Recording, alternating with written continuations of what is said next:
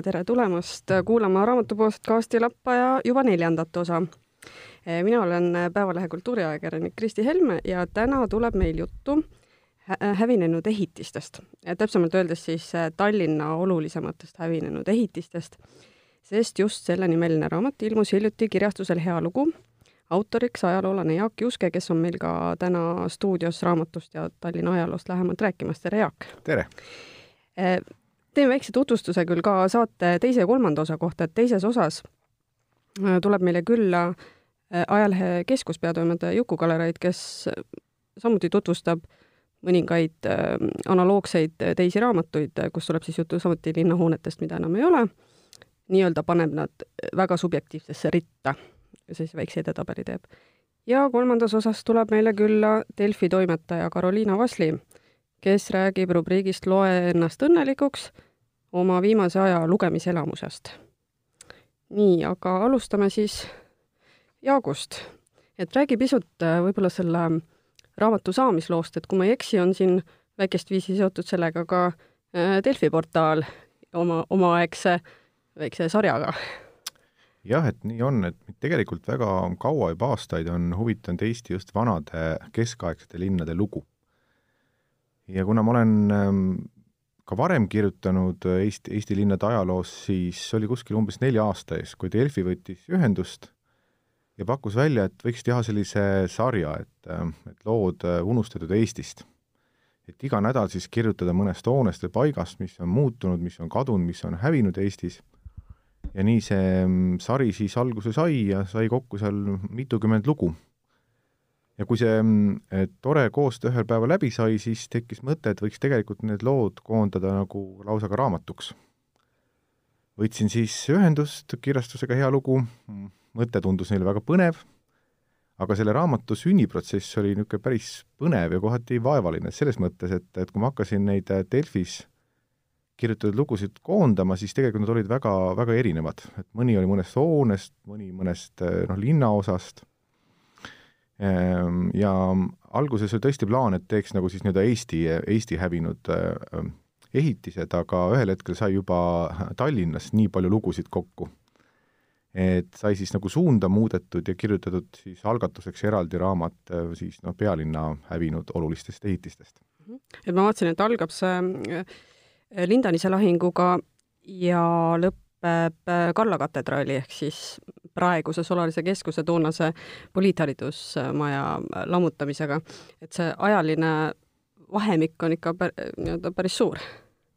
just, et terve Tallinna lugu tegelikult, sest meil ju möödunud aasta möödus kaheksa sajandit Lindanise lahingust, käis ju sel puhul ka tänane Taani kuninganna siin, olid suured pidustused ja tegelikult ju toona küsiti, et miks me üldse peaksime seda Lindanise lahingu kaotust nii suurejooneliselt tähistama aga ta on nii, eh, nii Tallinna kui Eesti ajaloos mitmes mõttes väga oluline pöördeline hetk, siis tuhat kakssada üheksateist.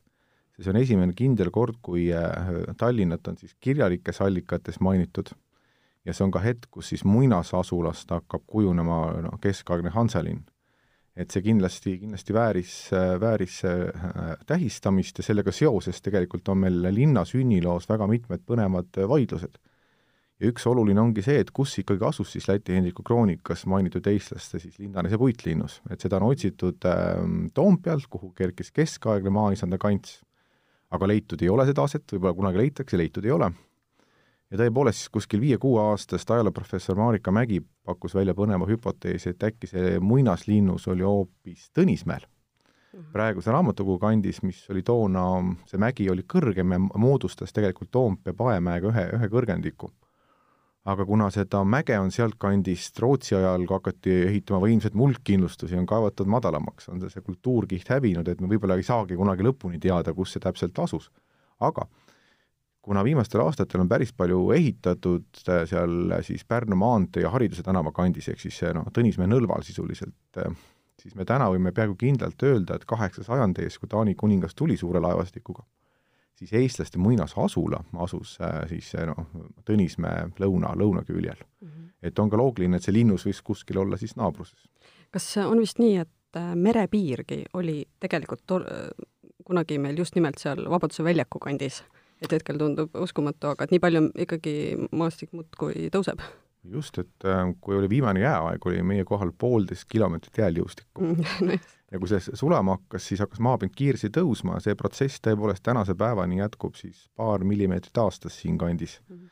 ja kui me vaatame nagu Tallinnas merepiiri nihkumist, siis ta kiviajal viie tuhande aasta eest oli Vabaduse väljakul, kus muide kaks tuhat kaheksa leitigi vanim siis asulapaik, mis on pärit kaugest kiviajast kaheksa sajandi ees, kui muinasaeg lõpeb, oli ta siis kuskil, ütleme, Gonsiori tänav Viru väljak, keskaja lõpus viie sajandi eest umbes täpselt seal Narva maantee joonele täna veel kõvasti, eks ole, nihkunud põhja poole. nii et me võidame iga, iga aasta merelt maad juurde.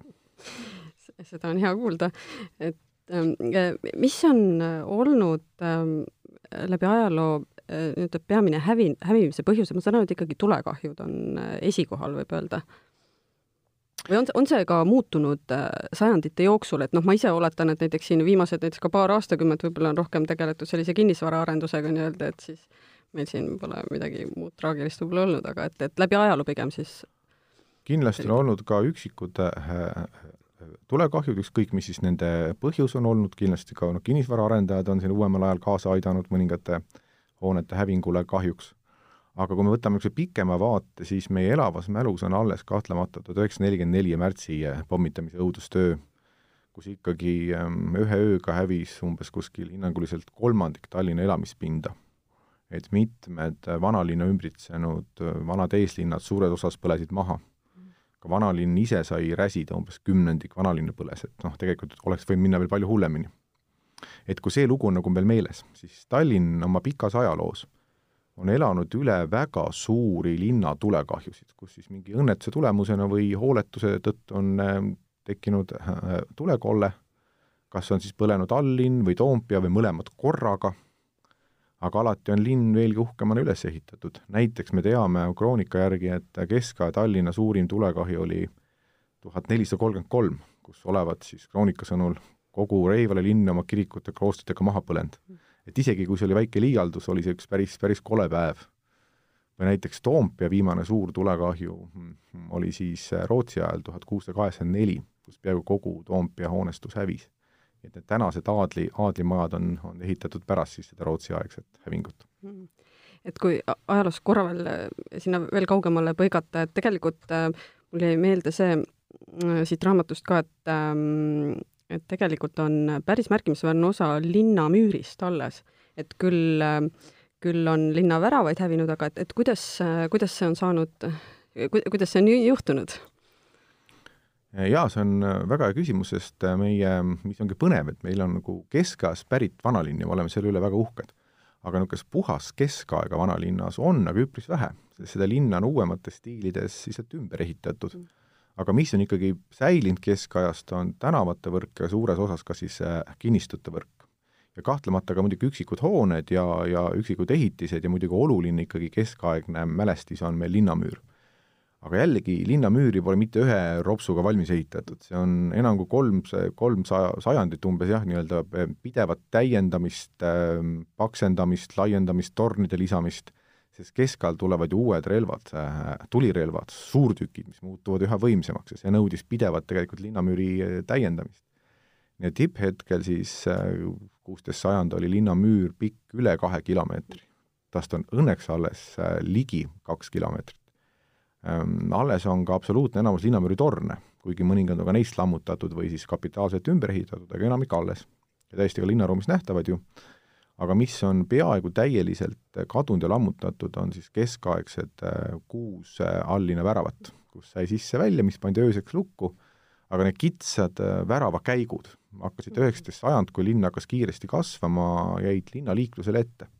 Ja toona veel muinsuskaitse alles lapsekingades ja tuimalt lõhuti maha, et teha rohkem ruumi tänavatele. nii et väravatest on alles tõesti ainult riismed siis nendest keskaegsetest väravatest on alles linna peavärava, siis suure rannavärava eesvärav, see on see väravakaar, mis on paksu Margareeta küljes. aga ka ütleme seal, seal ütleme taga oli terve suur väravakompleks. Ja alles on muidugi kaks äh, kuulsat torni Viru väravatest, et head kuulajad, et, et kui te tulevikus kellegiga kohtute mm, siis Viru, äh, Viru väravates, siis te tegelikult kohtute keskaegse võimsa Viru väravakompleksi ees värava külgtornide juures, et jäi, eks ole, meelde et ka seal tegelikult on suurem osa kõik lammutatud, üheksateist sajand, aga mida on Tallinna linn teinud nüüd viimase kümnendi jooksul toredat?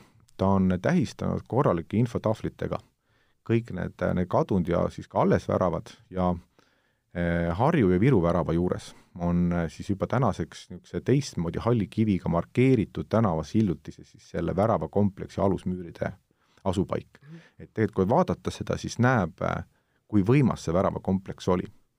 ja tegelikult üldse, üldse nagu vanalinnas jalutades lisaks kaunitele majadele tasub vaadata ka tänavasillutist, kus on -hmm. päris, päris põnevaid lugusid peidus. -hmm. korra siin mainisid ka seda Tallinna linna elanike kasvu, et võib, korra võib-olla öelda, et mis suurusjärgust me räägime, ütleme just seal siis kaheksateistkümnes, üheksateistkümnes sajand ja nii edasi? et ähm, kui me räägime, alustame päris keskajas, siis Tallinna elanike arv jäi sinna kuskil ütleme seitsme, kaheksa tuhande kanti mis oli ikkagi toonase Eesti suurim linn, et, et linnad olid väiksed, sest enamik rahvast elas ju, elas ju maal. aga see suur pööre tuleb ikkagi üheksateist sajand lõpp, kahekümne sajandi algus ja meil just nüüd selle aasta novembris saab sada viiskümmend aastat Balti raudtee avamisest.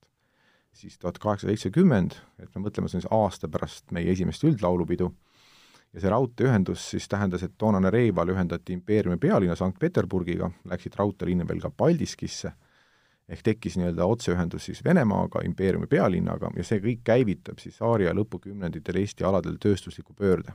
Hakatakse siis äh, selle nii-öelda vanalinna kõrvale, kus rohkem ruume ehitama, suuri vabrikuid, tehaseid, mis vajavad massiliselt uut tööjõudu, et tuuakse kahtlemata ka töölisi Venemaalt, aga ikkagi valdavalt maarahvas valgub linna.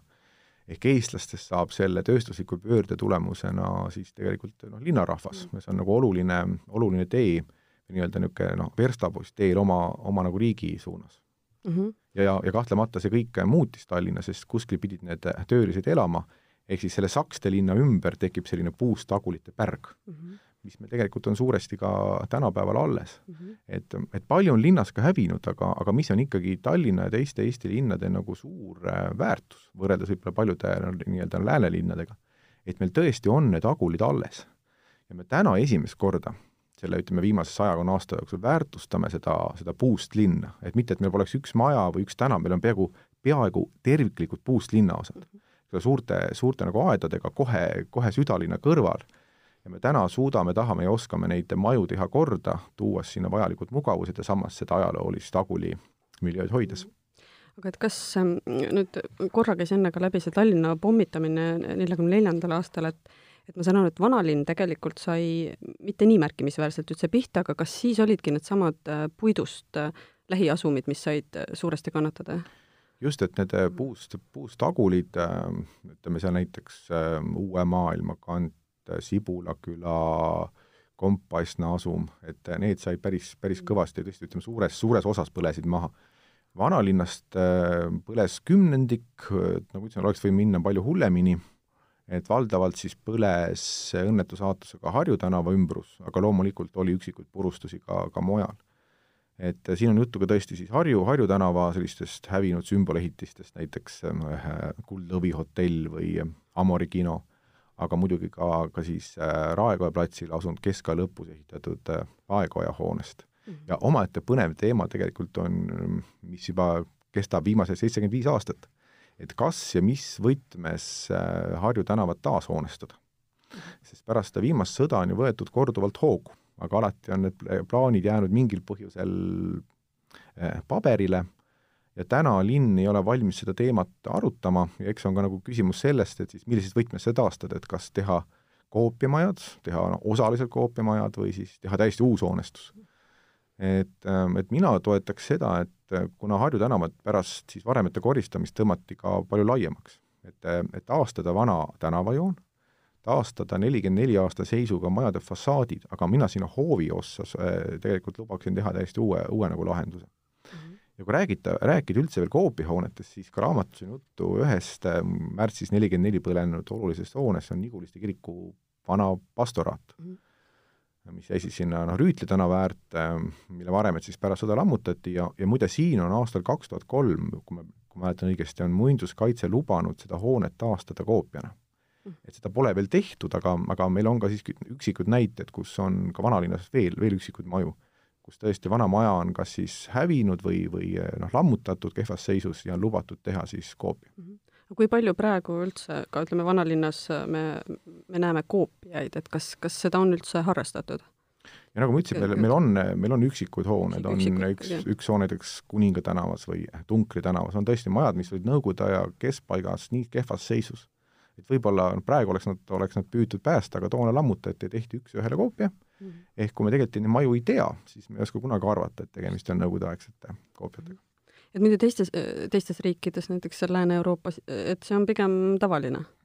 jah, et Eestis on pigem oldud selles osas nagu äh, tagasihoidlikud või ettevaatlikud, aga meil on, eks ole, mitmed ju äh, Poola, Poola linnad, mis sõjas, sõjas peaaegu, eks ole, maha, maha põlesid ja mis on mis on ehitatud äh, nii-öelda üks-ühele üles ja kui jällegi noh, kui, kui ei tea, siis vaatad, oh kui ilus vana, vana linn, aga tegelikult ehitatud pärast, pärast teist maailmasõda mm. -hmm aga et äh, ütleme, et ka praeguse, praegu on äh, ka mitmete hoonete puhul ju käivad ka vaidlused, näiteks Linnahall või, või ka Maarjamaa memoriaal, et et ma saan aru, et teie, sinu hinnangul pigem võiksid nad kindlasti säilida, et mitte, mitte nii-öelda läheneda kopaga nendele jah, see kahtlemata sõltub hoonest, et äh, eraldi peatükk on ka seal äh, noh, nõukogude ajal äh, siis ütleme siis nii-öelda noh, nõukogudeaegsete hoonete ka, ka lammutamine mm. -hmm.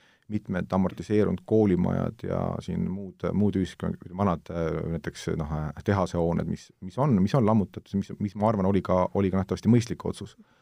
Aga mina sellist nõukogudeaegset esindusarhitektuuri kahtlemata hoiaksin, et mul on väga kahju, et see vana siis, vabandust, uus Sakala keskus, vana poliitharidusmaja lammutati, mille asemele siis kerkis Solarise keskus, millest jäeti ja vanast hoonest alles ainult see, see torn, et mina kindlasti selle esindushoone oleksin alles hoidnud ja nüüd praegu tõesti käib vaidlus siis linnahalli osas, mis jällegi on õnneks muinsuskaitse all, mida nii lihtsalt ei saa minna lammutama ja miks ta väärib hoidmist, ta on kahtlemata Nõukogude lõpu poole ehitatud, eks ole, nii-öelda noh, olümpia-aastaks väga kehva kvaliteediga, et ühelt poolt võiks ju maha tõmmata, on ju.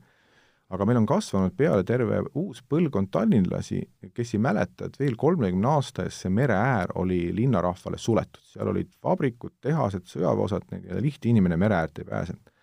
Aga see linnahall siis, mis aastal kaheksakümmend avati, ta avaski äh, siis äh, nii-öelda esimest korda Nõukogude ajal selle südalinna merele ja see, ja et ta ei, siis merevaatena ei, ei varjaks seda vanalinna siluetti, on tehtud ka sellises, sellises noh, madalas võtmes.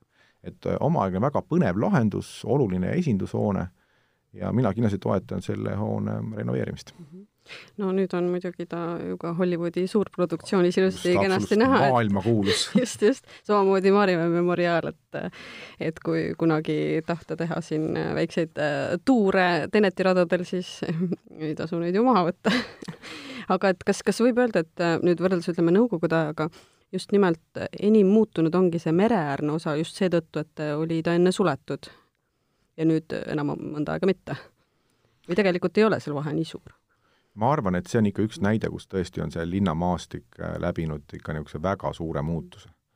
aga veel kord, kuna ütleme, ka viimane sõda on see linna räsinud, siis äh,, siis väga mitmed äh, meile teada-tuntud paigad Tallinnas on, ütleme, viimase sajandi jooksul läbinud ikka mitu väga suurt muutust. võib-olla hea näide lisaks mere äärele on veel Viru väljak, mis on ju oli üheksateist sajand lõpus, möödunud sajandi alguses äh, siis Vene turg, noh, turuplats. Siis sinna hakati ehitama ka moodsamaid hooneid, siis ta nelikümmend neli põles suures osas lagedaks ja siis hakati sinna, eks ole, ehitama Nõukogude ajal olümpiahotell, vabandust, no Viru, no Viru hotell ja no, Postimaja hoone, mis veel, ja, ja siis, eks ole, on jällegi kasvanud peale terve uus põlvkond, kes ei mäleta, et see, ütleme, see nii-öelda see vana Viru väljak oli koht, kus siis äh, marsruuttaksod sõitsid, aga sinna aastaks kaks tuhat neli ehitati Viru keskus mm. -hmm. nii et, et see kant on tõesti läbinud mitmeid suuri muutusi. Äh, raamatust ma äh, panin tähele ka, et Viru keskuse asemel äh, tundub küll uskumatu isegi nii mõelda, et kahe maailmasõja vahel oli see staadion. et, et seda, et väravatorn ja poed ja kõik sinna juurde käib, et praegu jah, raske ettegi kujutada just, et, et ka näiteks Gonsiori tänav on oma sihti muutnud et see ajalooline Gonsiori tänav kulges sellel sihil, kui te nüüd ette kujutate, kui te Tammsaare pargis sisenete Viru keskusesse. Liigute läbi selle Viru keskuse siis tänase Tallinki hotelli suunas, vot sellel suunal kulges ennem sõda Gonsiori tänav. ja siis sellest, sellest siis äh, Estonia puiestee poole jäigi täpselt siis no Kalevi aia staadion, mis kadus linnapildis jah, alles Nõukogude alguses ja veel üks muudatus nii-öelda võrreldes tänase mm, pildiga, mis mulle veel eriti hakkas ka silma, et see raudtee Tallinn-Viljandi, Viljandist Tallinnasse suunduv raudtee, et äh, isegi jah, raske ette kujutada, et seal äh, Tehnika tänavalt liikus ta siis, ma saan aru, siselinna kalmistule ja siis seal Odra ja Törnpuu ja lõpuks jõudis äh, Narva maanteel sinna Vesiväravani välja ja petro-, praeguse Petrooleumi tänavani, eks ole, et et seda, seda samuti lugesin üllatusega. meil on tegelikult tänases äh, Tallinnas olnud omal ajal väga mitmeid raudteeliine, mis on juba ammu linnapildist kadunud ja nendest võib-olla tõesti üks põnevamaid oli siis möödunud sajandi alguses rajatud just see siis ähm, kitsa, kitsarööpmeline raudtee mis tõesti algas siis äh, Petrooleumi tänavas, kus asus uhke no paekivist no, Tallinn Sadama ka, ka Vaksali hoone. kas see hoone, see on, eks ole, sarnane nüüd sellele, mis on praegu täiesti olemas Tallinn väike Just, hoone, eks ole? täpselt mm, -hmm. sellele väga sarnane ja tõepoolest veel Nõukogude aja teises pooles läbi Kadrioru sõitsid, sõitsid vedurid ja rongid mm. -hmm.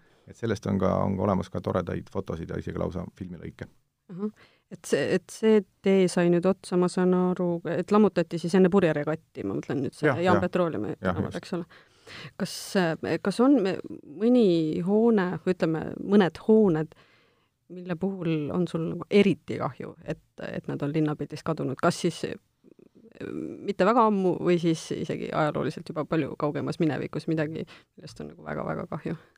Ma arvan, et just üks äh, väga põnev ikkagi osa ongi need, need keskaegsed linnaväravad. et sellest on, sellest on väga kahju, et see muudaks selle linnaruumi palju äh, põnevamaks, kui need niisugused mm -hmm. kitsad hämarad värava, väravakäigud alles, alles oleksid.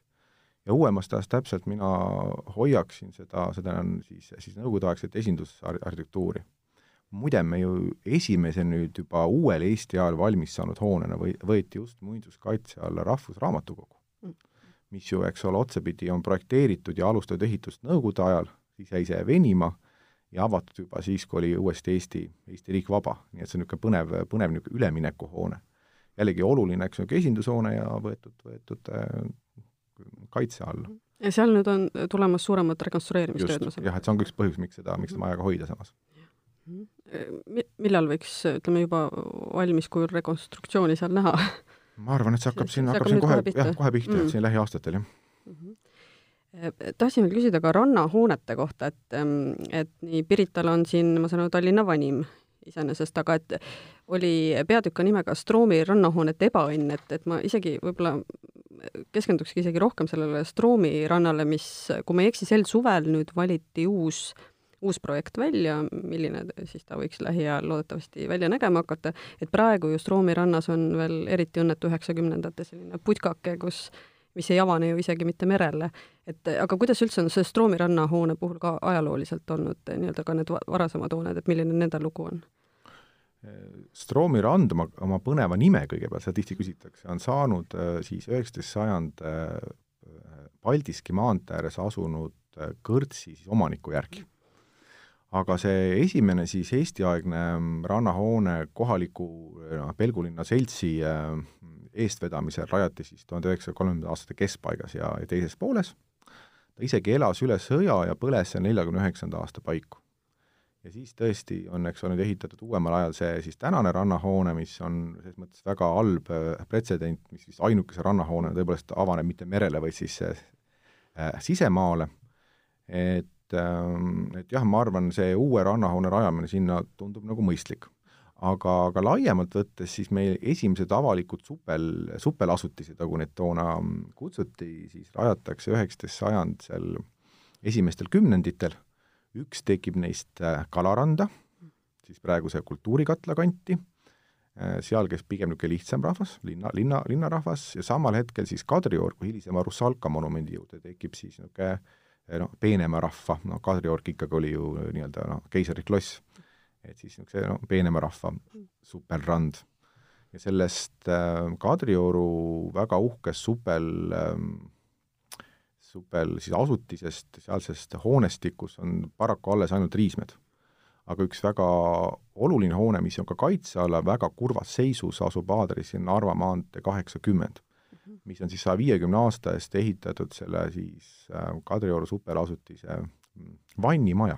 -hmm. võib öelda siis tsaariaegne spaahoone.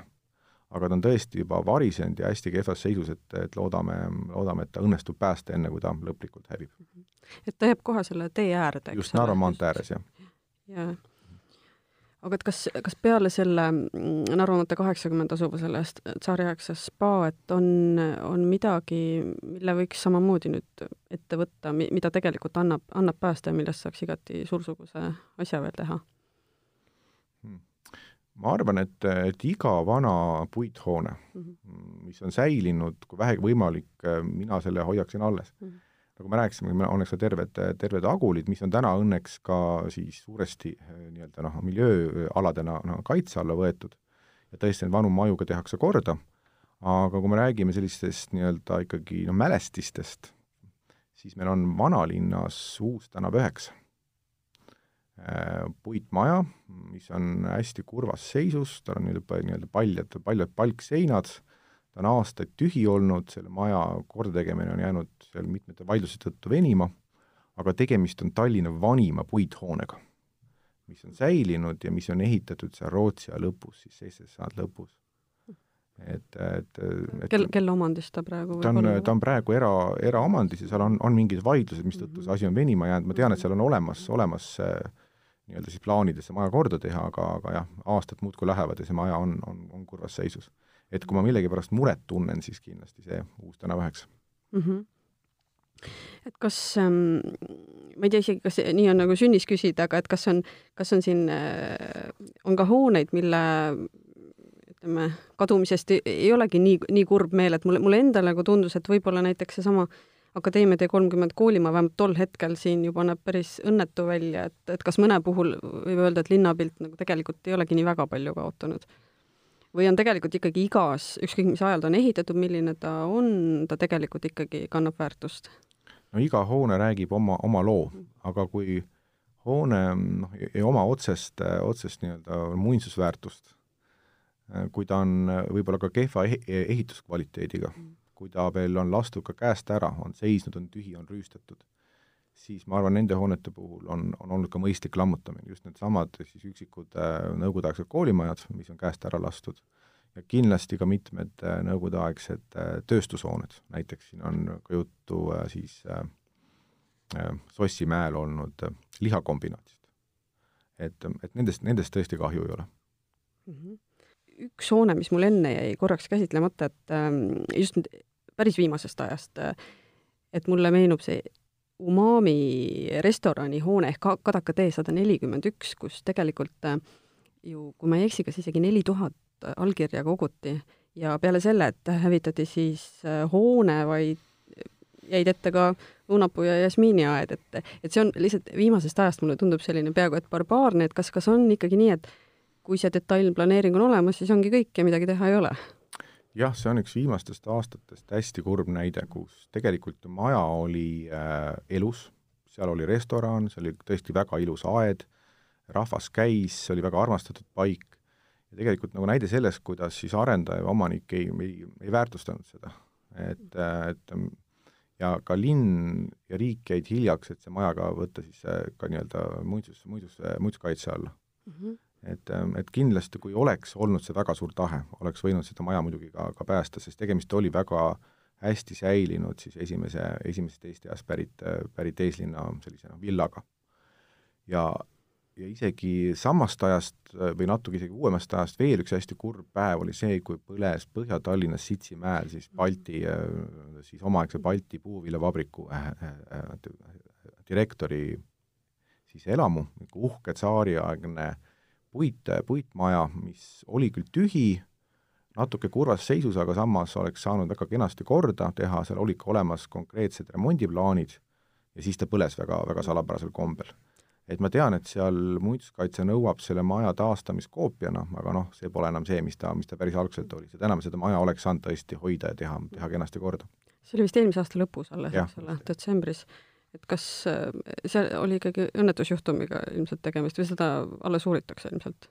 ma jään sulle vastuse võlgu, et aga ütleme, ega seal, ega seal vahet ei ole no,. see, see maja, maja, maja on paraku hävinud, et seal midagi, midagi alles jäänud, põles maani maha. jaa, seda küll. nii, aga ma arvan, et äh, võimegi varsti hakata ka otsad siin kokku tõmbama, et et, ähm, et kas võib kokkuvõttes öelda, et sellest aspektist, ka hoonete hoidmise aspektist, kuigi me just tõime mitte, mitte väga kaugest minevikust väga kurbi näiteid, on kuidagi seadusandlus ikkagi järjest enam pigem kaitseb ikkagi, et, et meile ajaloolised hooned ikkagi jäävad alles. või, või kuidas, kuidas on just selle seadusliku poolega? ma arvan, et see seadusandlik pool on täna päris hea. Et ka ju pidevalt äh, Muinsuskaitseamet äh, nii-öelda hindab, hindab hooneid, eks ole, mida, mida võiks veel võtta no, kaitse alla. et meil on ju ikkagi väga palju hooneid, piirkondi Tallinnas muinsuskaitse all, kogu ütleme, vanalinn, meie, eks ole, Pärl ikkagi, ja veel kord ka neid, neid aguleid me hoiame, väärtustame nii-öelda niisuguse noh, miljöö, ütleme, kaitsealana. et ma arvan, see olukord on läinud palju-palju paremaks, kui ta oli siin võib-olla veel ütleme, kakskümmend, kolmkümmend aastat tagasi aga samas, eks ole, noh, mingid hooned on, on juba, on juba saanud, saanud nii-öelda igavikuks ja neid me, neid me nii-öelda noh, tagasi ei saa.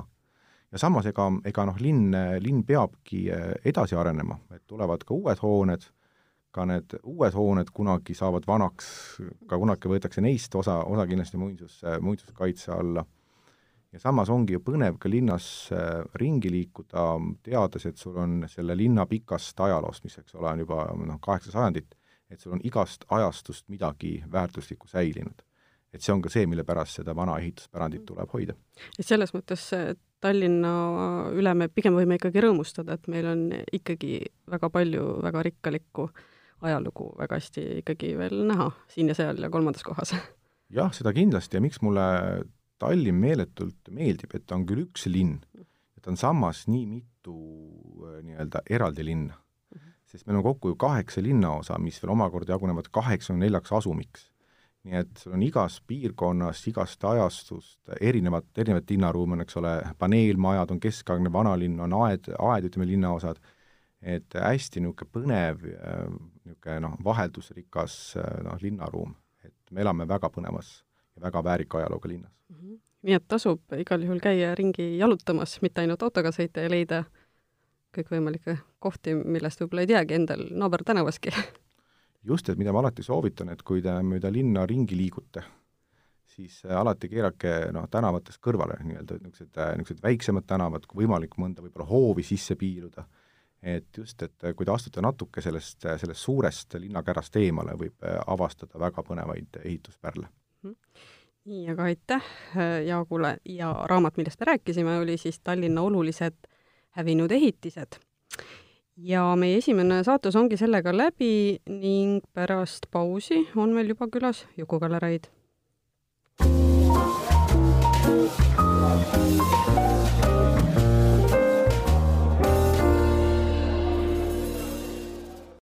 ja tere tulemast tagasi kuulama meie raamatu podcasti Lappaja meil käis siin rääkimas just oma uuest raamatust Tallinna olulised hävinenud ehitised Jaak Juske, aga nüüd on meil külas ajalehe keskus peatoimetaja Juku-Gallereid. tere, Juku-Kalle! Jaak Juske laskis enne minu tulekut targu jalga, ma saan aru. just täpselt, nii et nüüd on eeter sinu ja sa võid rääkida kõike, mida pähe tuleb äh, analoogsetest raamatutest, et meil siis äh, teine osa on äh, Äh, saates selline osa, kus me paneme ritta, kuigi väga subjektiivselt ja otseselt mitte isegi edetabelina, analoogsed raamatud. et mis, mis sulle, Juku, siin kohe meenub? no jaa, kõigepealt võib-olla paar sõna Jaagust, et Jaak on küllaltki tänuväärne inimene tegelikult, sellepärast et ta on meie, ütleme, linna, linnatee ajaloo väga hea populariseerija ja oskab seda teha küllaltki lõbusalt loetavalt, äh, sest tavaliselt ju kipub ajaloolaste viga olema üks, et ütleme, äh, nad kirjutavad küll väga täpselt ja, ja faktirikkalt, aga kipuvad ka olema, eks ole ju, küllaltki kuivad, noh, ütleme siis, kui sa nüüd päris asjanduse huviline ei, ei ole, ikka väga huviline, et siis on sul võib-olla seda ehk raske jälgida.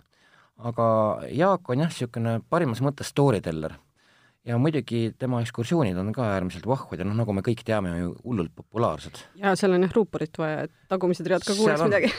mingi paar aastat tagasi tegime ka Jaaguga koos, tegime Koppeli kõrtside ja Kalamaja kõrtside matka ja seal oli üle paarisaja inimese, mis minul oli nagu absoluutne üllatus ausalt öeldes. kusjuures ilm ei olnud toona üldse ilus, ma mäletan, aga in, inimesi ei murjendanud miski. ja, ja et, et selles mõttes, selles mõttes on nagu väga huvitav, et, et kusagil see huvi siis oma, oma sellise koduloo ja linna vastu ikkagi on, siin muidugi aitab ka kindlasti kaasa internet.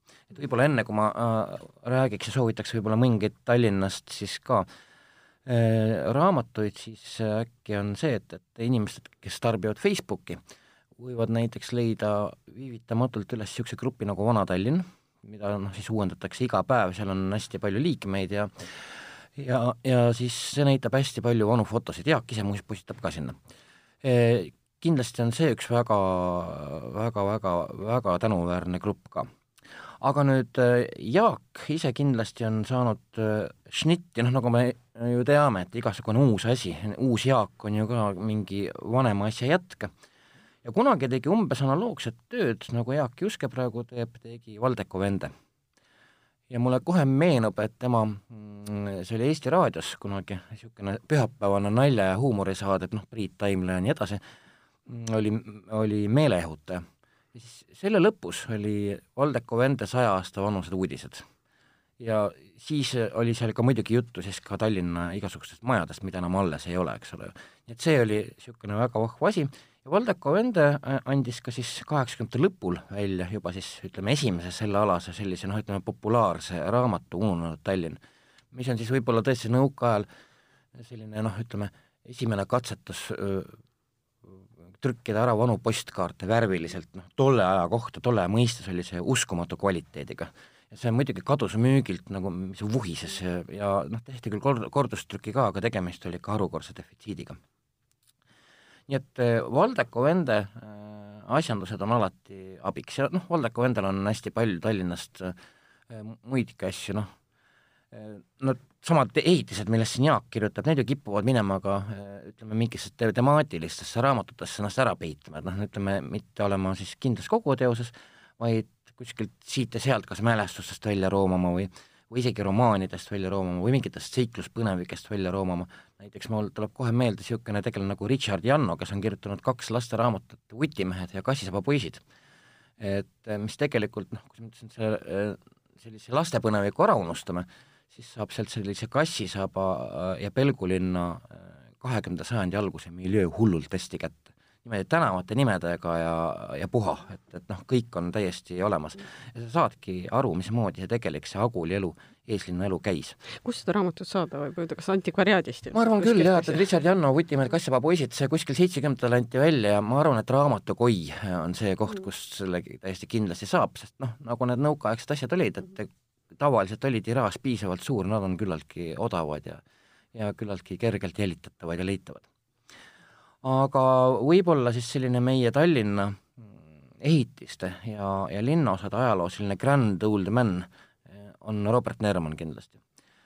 Nermanit on muidugi nüüd võrreldes Jaaguga ikka hullult keeruline lugeda, sest et tema on nagu äärmiselt põhjalik, aga, aga noh, ta kipub olema kuiv, noh mind näiteks ei sega, minule see Tallinna ajalugu ja kodulugu pakub piisavalt, et ma vaatan sellest mööda, aga jah, kes tahab linnaosade kaupa Tallinnat paremini tundma õppida, lugu kaasa arvatud siis ka hävinud ehitisi ja alles jäänud ehitisi, siis on kindlasti kõik Robert Nermani raamatud, et noh, Äh, Robert on kirjutanud Kalamajast eraldi paksu, Koppelist eraldi paksu, Süda tänava kvartalist eraldi paksu raamatu, äh, Lasnamäest paksu raamatu, Lillekülast lausa kaks raamatut, äh, Pelgu, Pelgulinn oli vist ka jah, et kokku on tal seitse sellist raamatut. Kusagil, ma nüüd ei tea, ei ole seda kontrollinud, kas tal jäi pooleli Pirita, kunagi ta rääkis, et ta kirjutab seda, noh kui kaugele ta jõudis, selle, seda ma ei oska öelda. siis kindlasti veel üks hästi äge Tallinnat käsitlev raamat, nüüdset Tallinnat, on Nõmme ja see on Leho Lõhmus. et, et äh, tema on ka kirjanik, kes äh, äärmiselt, äh, äärmiselt põhjalikult, väga detailselt seda Nõmme, mis on teatavasti noh, Tallinna oma, omalaadne selline oaas, seda ajalugu, värvikireva von Kleeni elulugu ja kõike muud ka hullult hästi kirjeldab. et, et niisuguseid asju on olemas aga kindlasti on muidugi, nagu ma mainisin, kõikvõimalikud mälestused alati.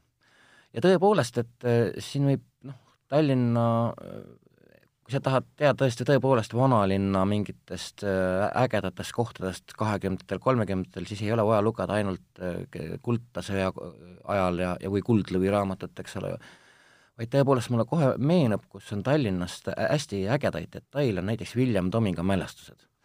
tegelikult ju noh, millest ta räägib, tema oli Tartu rahusekretär, eks ole ju, ja hiljem oli vapside liige, räägib tegelikult oma poliitilist juttu, aga et noh, et kuna tegemist on mälestustega, siis tuleb see keskkond ka sellele esile ja tema on ka nüüd äh, ikkagi hullult ja noh, kohe väga-väga hea kirjutaja.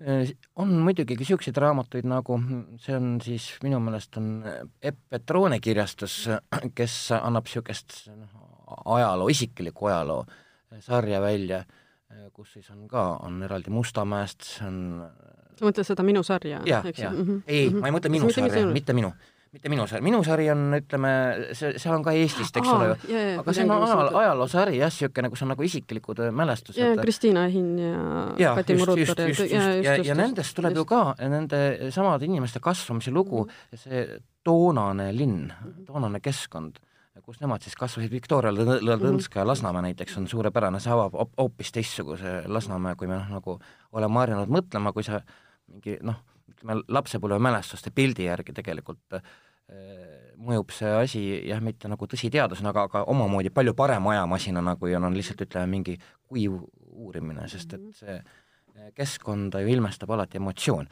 selles sarjas on kindlasti emotsioone sees. et ähm, ja noh, ütleme kõik nüüd, mis ikkagi mälestustesse puutub, kui me, ma ei tea nüüd, kas me keskendume täna ainult Tallinnale või mitte, aga tegelikult ikkagi äh, on ju Ilmamaa see suur raamatusari, eks ole ju, see mõttelugu, kus on paljud mälestused ja, ja seal on ka väga palju siis niisugust noh, ütleme kahekümnendate aastate, isegi sajandi alguse Tallinnat, mis on noh, ka äärmiselt äärm-, äärmiselt värvikirevad ja, ja vahvad lood. nii et tegelikult neid jätkub, et et selle pilguga, kui sa tahad Tallinnat leida, siis tegelikult jah, ma arvan, et on ikkagi mitu saalitäit raamatuid, mida saab täiesti rahulikult läbi lugeda ja sealt targemaks saada. Kui ma ei eksi, siis tegelikult ka Nermani mitmed raamatud ikkagi on ka läbi müüdud, et see inimeste huvi tegelikult selle valdkonna vastu on ikkagi väga suur. jaa, ja kusjuures on huvitav jah, et, et noh, me siin alguses nagu mainisime ka, et, et nagu Jaagu, Jaak just ekskursioonidiltki näha, et, et see huvi on huvitaval kombel täiesti kasvav. et ühest küljest on see noh, nagu veidikene paradoksaalne, teisest küljest loogiline, et ütleme, järjest globaliseeruvas, enam globaliseeruvas maailmas siis inimesed kuidagi tahavad kümne küünega ka ikkagi oma mingist kodukohast ja selle minevikust kinni hoida, et see on mõnes mõttes on see loogiline. milline Tallinna piirkond, ma saan aru, et Nõmme on sinu nii-öelda kõige südamelähedasem või, või ei saa tegelikult niimoodi ritta panna? ei saa jah, et, et ma, noh, ma olen Nõmmelt pärit ja Nõmmel kasvanud, selles mõttes ma ju tunnen teda nagu oma viit sõrme ja mm -hmm. mul endal on üks üsna no ehk, ehk järgmine aasta näeb see ilmavalgust üks niisugune noh, ütleme inimtapp ja mõõtu tellise laadne toode pooleli, see on siis Tallinn läbi kaasaegsete pil-, Nõmme läbi kaasaegsete pilkude ja kus on siis noh, põhiliselt on siis äh, kohalik ajakirjandus, siis sajandi algusest, eelmise sajandi üheksateistkümnenda lõpust, kahekümnenda algusest kuni siis äh, ütleme üheksakümnendate alguseni, eks ole. on nagu sajand, äh, Nõmme sajand läbi siis ajakirjanduse, läbi mälestuste nagu Voldemar Panso ja nii edasi, mis on kunagi kusagil äh, lehesabades trükitud, aga noh, mida nagu äh, kokku kogutud ei ole lihtsalt. seal on noh, ikkagi see on, näitab ka ikkagi väga, väga äh, seda ajastut ja Nõmme ajastut väga kujukalt, kui ma mõtlen isegi nende selliste kuulutuste peale, mis kindlasti sinna raamatusse lähevad, nagu näiteks, et neegritrupp Nõmme äh, rahvamajas, et neegrid demonstreerivad oma eluviise, eks ole kella üheteistkümnest hommikul kella kaheksa õhtu, kella kaheksani õhtul muudkui demonstreerivad oma eluviise, need neegrid ja siis järgmine päev on ajalehes kirjas, sõidab neegritrupp Tallinnasse. nii et noh, et sellised, ütleme, aja, ajastul omapäraseid pärleid eh, leiab ka ajakirjandusest jube palju. muuseas, vana ajakirjandus ja enamasti digiseeritud, et, et mm. Igarest saab ju täiesti absoluutselt üles leida. et, et just piirkondlikud ajalehed. No vot jah, Nõmme on mulle kindlasti südamelähedane, aga noh, ma olen elanud ju Koplis ja Kalamajas ja ja Kalamaja mulle ka ikkagi hirmsasti meeldib, noh praegu ta on võib-olla lii-, liialt hipstereid täis, aga noh, see on juba maitse küsimus, eks ole. just aga äh, suur aitäh, Juku, et sa leidsid aega tulla ja väga-väga palju häid vihjeid anda kuulajatele. jaa, ma arvan, et kaevuga raamatutesse, need on, nagu ütles Ostap Bender, teadmiste allikad. nii, aga et sellega siis äh, lõpeb nüüd meie teine saateosa ja kolmandas saateosas tuleb meile külla Delfi toimetaja Karoliina Vastvõi oma viimasest lugemiselamusest, ühesõnaga millestki, mis on teda lugedes väga õnnelikuks teinud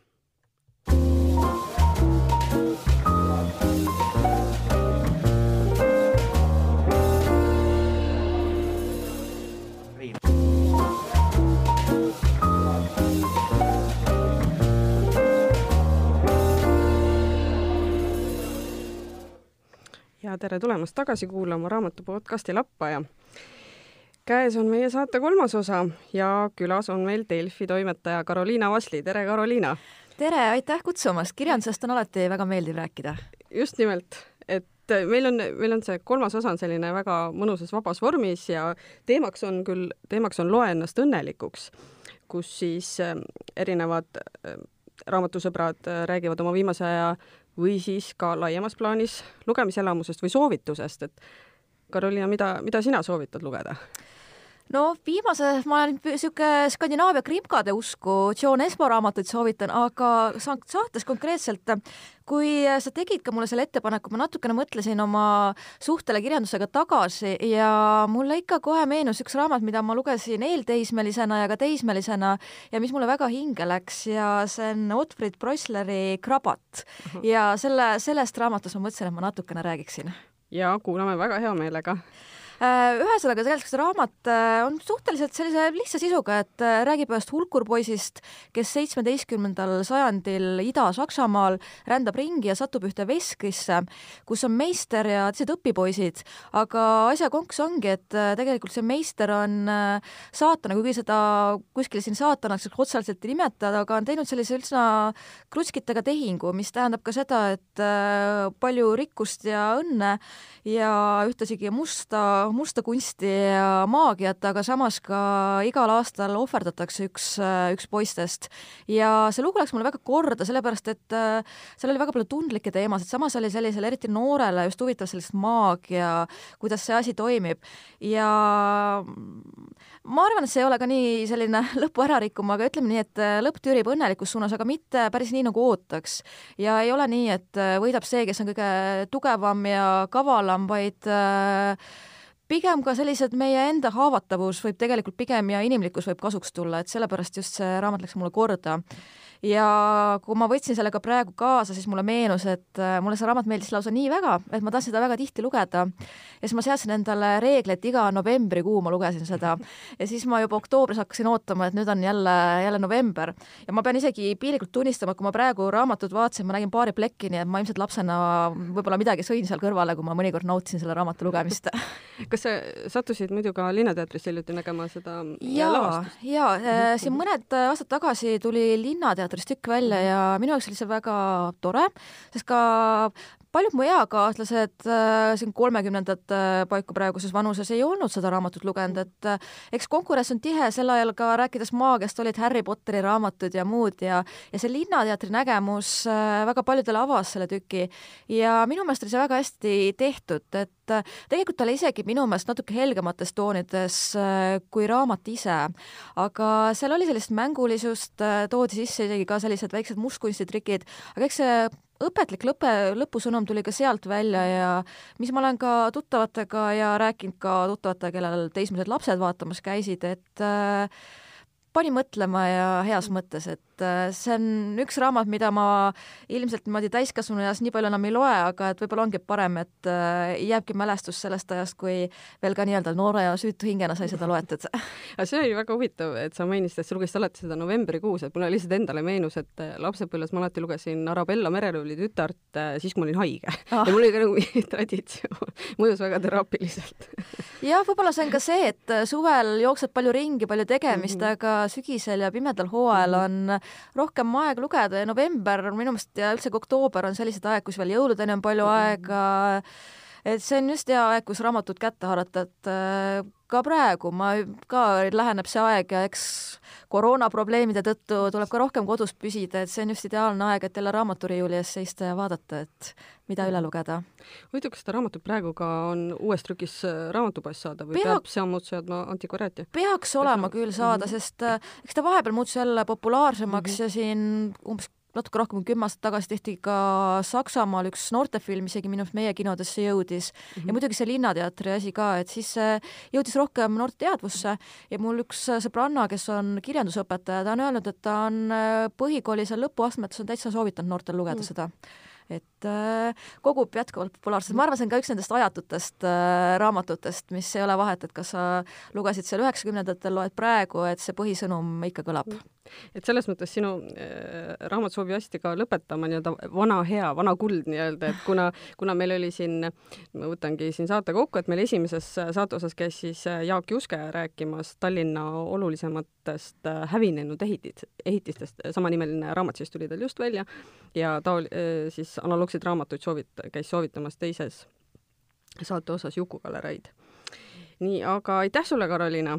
jah, aitäh ja... kutsumast ja kõigile mõnusaid lugemiselamusi! just!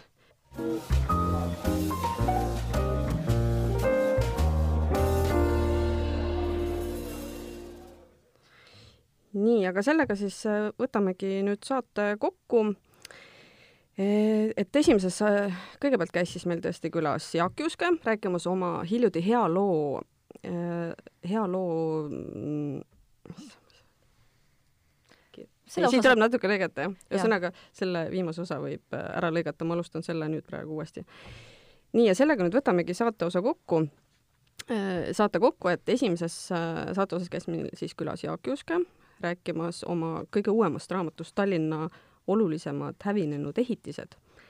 ja teises saate osas Juku-Galeraid, kes pani siin ritta analoogsed veel vara, varem ilm, ilmunud raamatud, alates siis äh, siin äh, Valdeko Vendest ja Robert Neermannist.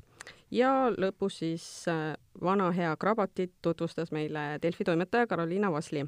järgmise, järgmine saade on meil nüüd eetris siis jälle kahe nädala pärast ja siis on meil juba saadet juhtimas taas Keiu Virro. seniks aga häid lugemiselamusi